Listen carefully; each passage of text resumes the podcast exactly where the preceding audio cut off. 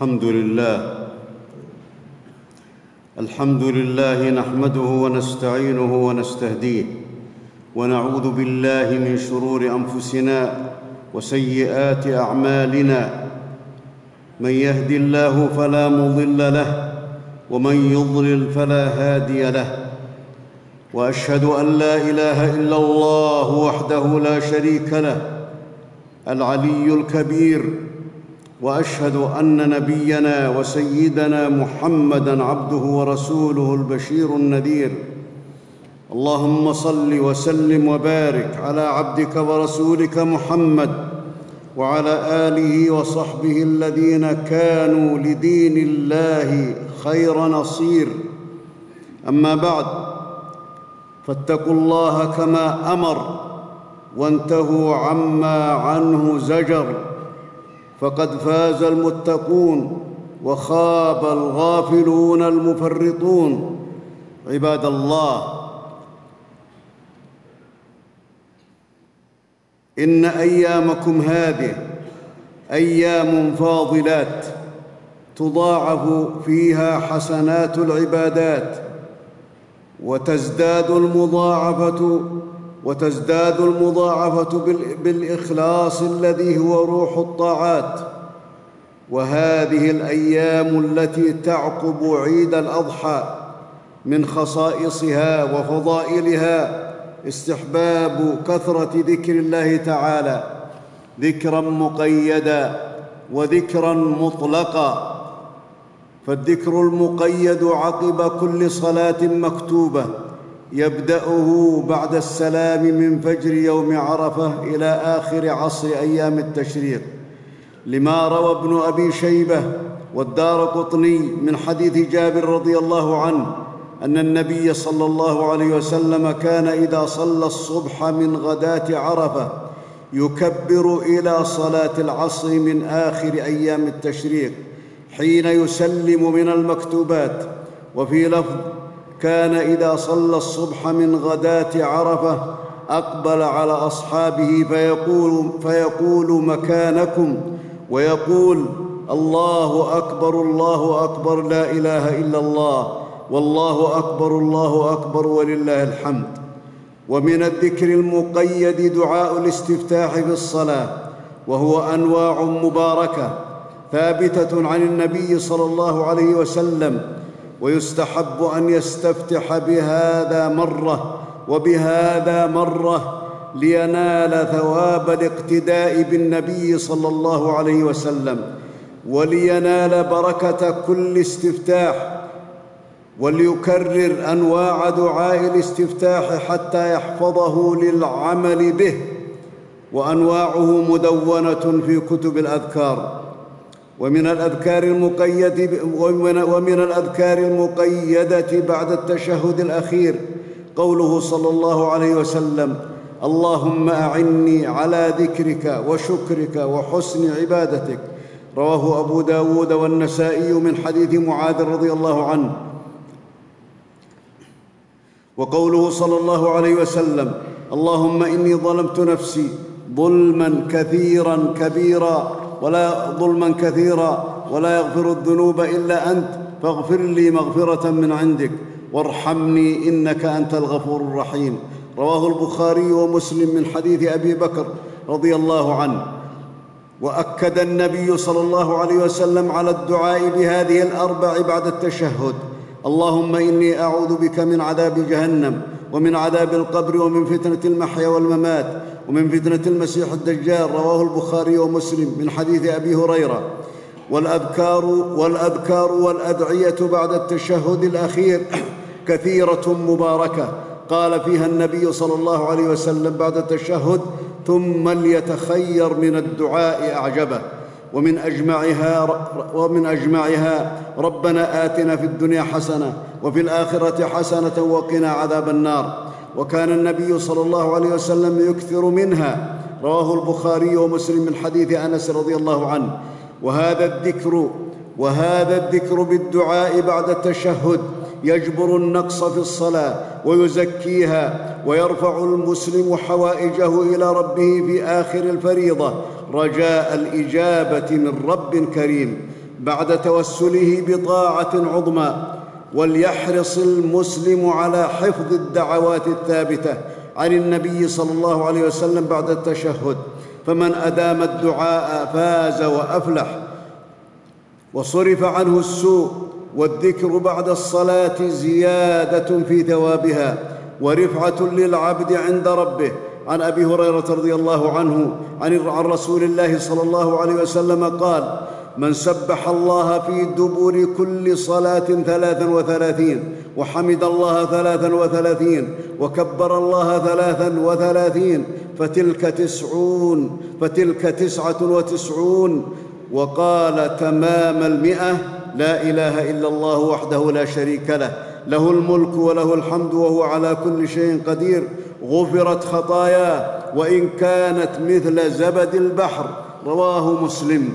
وعن أبي أمامة رضي الله عنه عن النبي صلى الله عليه وسلم قال من قرأ آية الكرسي دبر كل صلاة مكتوبة لم يمنعه من دخول الجنة إلا أن يموت وفي رواية وقل هو الله أحد رواه الطبراني في الكبير والأوسط. قال المنذر صححه ابن حبان والذكر والذكر يستحب ويشرع مطلقا في كل وقت وقد أمر الله به كثيرا فقال يا أيها الذين آمنوا اذكروا الله ذكرا كثيرا وسبحوه بكرة وأصيلا ووعد الله على الذكر الثواب العظيم. فقال تعالى والذاكرين الله كثيرا والذاكرات أعد الله لهم مغفرة وأجرا عظيما. وثواب الذكر يتفاضل ب... وثواب الذكر يتفاضل بتفاضل الأوقات. قال الله تعالى وسبح بحمد ربك قبل طلوع الشمس وقبل غروبها وقال تعالى والمستغفرين بالأسحار وقال تعالى واذكر واذكر اسم ربك بكرة وأصيلا والذكر والذكر ينير والذكر ينير القلب ويزيد الإيمان. قال عز وجل إنما المؤمنون الذين إذا ذكر الله وجلت قلوبهم وإذا تليت عليهم آياته زادتهم إيمانا وعلى ربهم يتوكلون. وفي الحديث مثل الذي يذكر الله والذي لا يذكر الله كمثل الحي والميت. والذكر يحفظ العبد من الشياطين لقول والذكر يحفظ العبد من الشياطين لقول النبي صلى الله عليه وسلم. ورأيت رجلا من أمتي احتوشته الشياطين يعني أحاطت به فجاءه ذكر الله فطرد عنه الشياطين. والذكر والذكر يكفر السيئات ويضاعف الحسنات لحديث من قال حين يصبح وحين يمسي سبحان الله وبحمده مائه مرة لم يأت أحد يوم القيامة بأفضل مما جاء به. إلا أحد قال مثل ما قال أو زاد عليه. رواه مسلم من حديث أبي هريرة.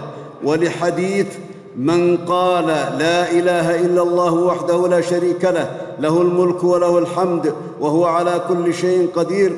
في يوم مائه مرة كانت له كانت له عدل عشر رقاب معتقة وكتبت له مائه حسنة ومحيت عنه مائه سيئة وكانت حرزا له من الشيطان يومه ذلك حتى يمسي ولم يأت أحد بأفضل مما جاء به إلا رجل عمل أكثر منه رواه البخاري ومسلم من حديث أبي هريرة.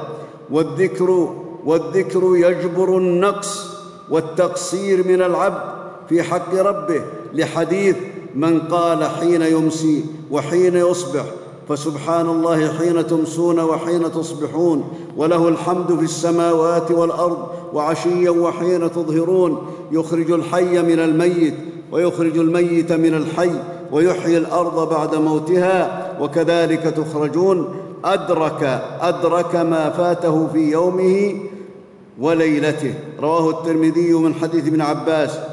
والذكر والذكر ينجي من الشدائد. وينقذ, من الكربات. قال الله تعالى في يونس عليه السلام فلولا أنه كان من المسبحين للبث في بطنه إلى يوم يبعثون. وفي الحديث وفي الحديث لا حول ولا قوة إلا بالله العلي العظيم. لا ملجأ ولا منجأ من الله إلا إليه. تدفع سبعين بابا من البلاء. ادناها أدناها الهم. ومنافع الذكر ومنافع الذكر في الدنيا والآخرة وفضله لا تحصى إلا بكلفة. وطول وقت والإسلام شرع الذكر للمسلم في ساعات ليله ونهاره وفي تقلباته في يقظته ومنامه وفي حضره وسفره. وقد دونها أهل العلم في كتب الأذكار. فمن عمل بالأذكار فمن عمل بالأذكار في جميع أحواله فقد مكنه الله من سعادة الدارين. ومن فرط في بعض الأذكار فاته من الخير بقدر ما فاته من الأذكار. وعن عبد الله بن بسر رضي الله عنه عن عبد الله بن بسر رضي الله عنه قال يا رسول الله إن شرائع الإسلام قد كثرت فباب نتمسك به جامع قال لا يزال لسانك رطبا من ذكر الله. رواه الترمذي. قال الله تعالى واذكر ربك في نفسك تضرعا وخيفة ودون الجهر من القول بالغدو والآصال ولا تكن من الغافلين. بارك الله لي ولكم في القرآن العظيم ونفعنا وإياكم بما فيه من الآيات والذكر الحكيم ونفعنا بهدي سيد المرسلين وقوله القويم. أقول قولي هذا وأستغفر الله لي ولكم وللمسلمين. فاستغفروه.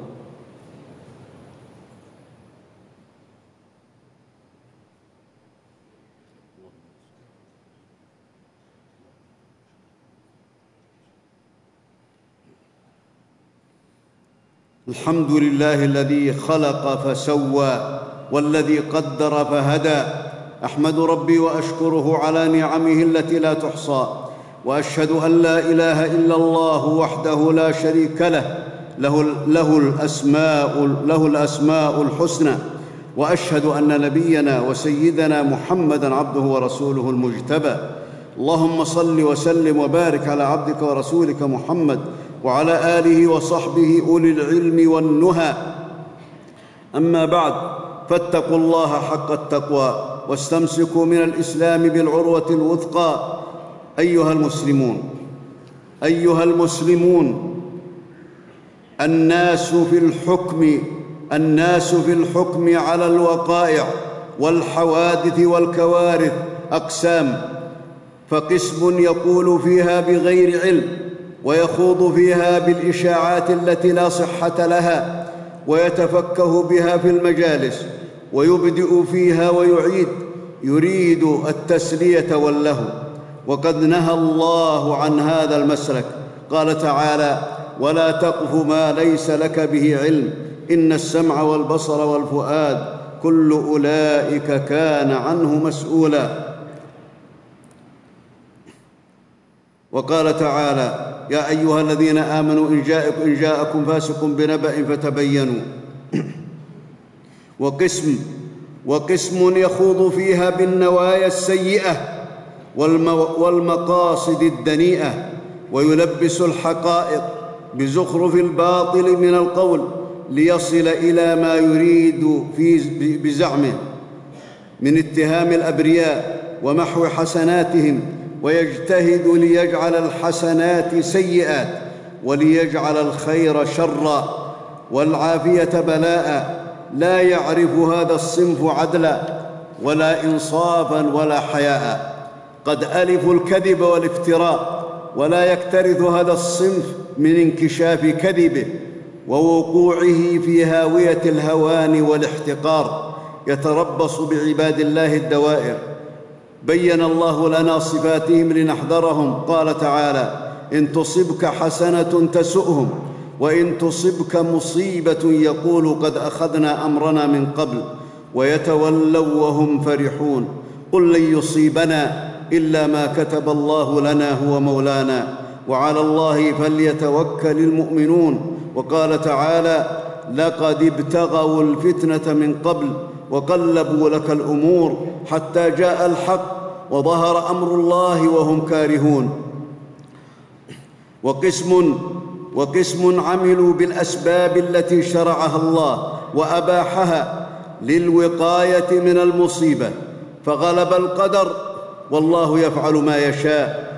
له الحكمة البالغة وله الحجة على خلقه أجمعين وهو ذو الرحمة الواسعة ويحكم لا معقب لحكمه.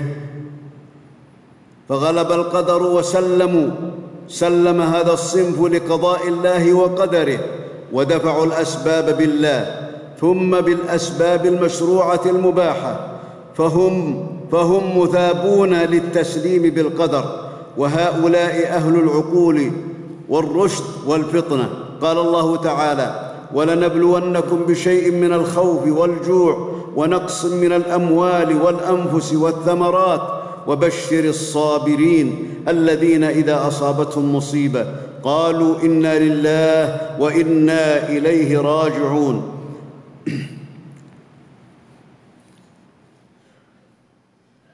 ومع نهاية حج هذا العام نحمد الله ونشكره على قيام ركن الحج ودوامه وقد شاهد العالم ما تقوم به هذه الدولة الرشيدة من رعاية حانية لحجاج بيت الله الحرام وخدمات جليلة في جميع المجالات لضيوف الرحمن وحشد وحشد لجميع القوى لتسيير وتسهيل أمور الحج. وقيادة حكيمة لكل حالة في المناسك. ومن أنكر ذلك فهو كمنكر الشمس المتهم في عقله.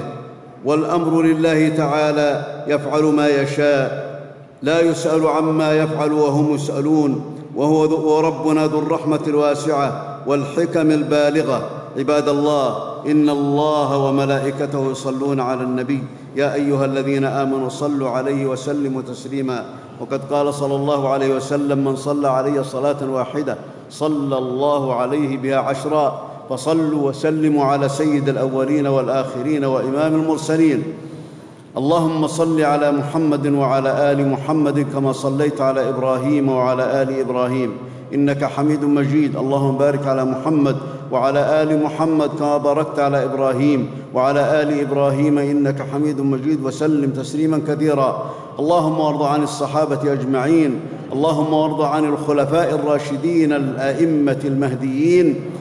أبي بكر وعمر وعثمان وعلي وعن سائر أصحاب نبيك أجمعين وعن التابعين ومن تبعهم بإحسان إلى يوم الدين. اللهم وارض عنا معهم بمنك وكرمك ورحمتك يا أرحم الراحمين. اللهم أعز الإسلام والمسلمين. اللهم أعز الإسلام والمسلمين. اللهم أعز الإسلام والمسلمين وأذل الكفر والكافرين. اللهم دمر أعداءك أعداء الدين يا رب العالمين. اللهم فقهنا والمسلمين. اللهم فقهنا في الدين. اللهم فقهنا في الدين. اللهم فقه المسلمين في دينهم يا رب العالمين. اللهم انصر دينك. وكتابك وسنة نبيك محمد صلى الله عليه وسلم. اللهم أظهر هدي نبيك محمد صلى الله عليه وسلم في كل مكان وزمان. يا رب العالمين إنك على كل شيء قدير. اللهم اغفر لموتانا وموتى المسلمين. اللهم اغفر لموتانا وموتى المسلمين يا رب العالمين. اللهم ارفع درجاتهم. اللهم إنا نسألك أن تضاعف اللهم ضاعف حسناتهم وتجاوز عن سيئاتهم يا رب العالمين. اللهم تقبل من الحجاج اللهم تقبل من حجاج بيتك المحرم يا رب العالمين. اللهم تقبل حجهم واغفر ذنوبهم. اللهم اغفر لأمواتهم إنك على كل شيء قدير. اللهم اغفر لهم رحمة واسعة. يا ذا الجلال والإكرام. ورد يا رب العالمين الحجاج إلى بلادهم سالمين غانمين إنك على كل شيء قدير. اللهم يا ذا الجلال والإكرام أرنا الحق حقا وارزقنا اتباعه وأرنا الباطل باطلا وارزقنا اجتنابه ولا تجعله ملتبسا علينا. يا ذا الجلال والإكرام فنضل ربنا لا تزغ قلوبنا بعد إذ هديتنا وهب لنا من لدنك رحمة إنك أنت الوهاب. ربنا آتنا في الدنيا حسنة وفي الآخرة حسنة وقنا عذاب النار. اللهم أعدنا وأعد ذرياتنا يا رب العالمين من إبليس وشياطينه وجنوده يا رب العالمين. إنك على كل شيء قدير. اللهم أعد ذرياتنا موعد المسلمين يا رب العالمين من إبليس وشياطينه. إنك على كل شيء قدير. يا أرحم الراحمين. اللهم دمر السحرة. اللهم دمر السحرة ولا تسلطهم على أي مسلم يا رب العالمين إنك على كل شيء قدير. اللهم أبطل كيدهم. اللهم اقض الدين عن المدينين من المسلمين. اللهم اقض الدين عن المدينين من المسلمين. اللهم احفظ الإسلام والمسلمين في برك وبحرك وجوك يا رب العالمين. اللهم اشف مرضانا. اللهم اشف مرضانا يا رب العالمين ومرضى المسلمين. اللهم اشف مرضانا ومرضى المسلمين يا أرحم الراحمين. اللهم اشف مرضانا ومرضى المسلمين يا ذا الجلال والإكرام. اللهم ألف بين قلوب المسلمين وأصلح ذات بينهم واهدهم سبل السلام. اللهم أذل البدع إلى يوم الدين. اللهم أذل البدع إلى يوم الدين يا رب العالمين. اللهم أذل البدع واكبت أهل البدع إنك على كل شيء قدير. يا ذا الجلال والإكرام. يا أرحم الراحمين. اللهم نسألك يا ذا الجلال والإكرام أن ترفع عن المسلمين البلواء والضراء. اللهم يا ذا الجلال والإكرام نسألك أن ترفع عنهم البلواء وأن ترفع عنهم الضراء. اللهم لا تسلط عليهم من لا يخافك ولا يرحمهم يا رب العالمين. اللهم لا تسلط على المسلمين من لا يخافك ولا يرحمهم يا أرحم الراحمين. اللهم هيئ لنا من أمرنا رشدا. اللهم هيئ لنا من أمرنا رشدا. ولا تكلنا إلى أنفسنا طرفة عين. اللهم آمنا في دورنا وأصلح اللهم ولاة أمورنا. اللهم وفق خادم الحرمين لما تحب وترضى. اللهم وفقه لهداك واجعل عمله في رضاك. وأعنه على كل خير يا رب العالمين. وانصر به دينك إنك على كل شيء قدير. اللهم ارزقه الصحة والعافية. اللهم ارزقه الصحة والعافية والتوفيق.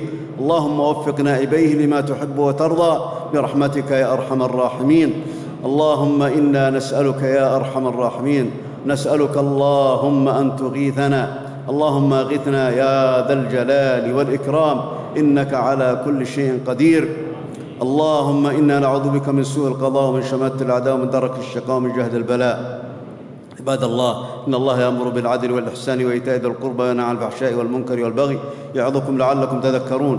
وأوفوا بعهد الله إذا عاهدتم ولا تنقضوا الأيمان بعد توكيدها وقد جعلتم الله عليكم كفيلا. إن الله يعلم ما تفعلون واذكروا الله العظيم الجليل يذكركم واشكروه على نعمه يزدكم ولذكر الله أكبر والله يعلم ما تصنعون.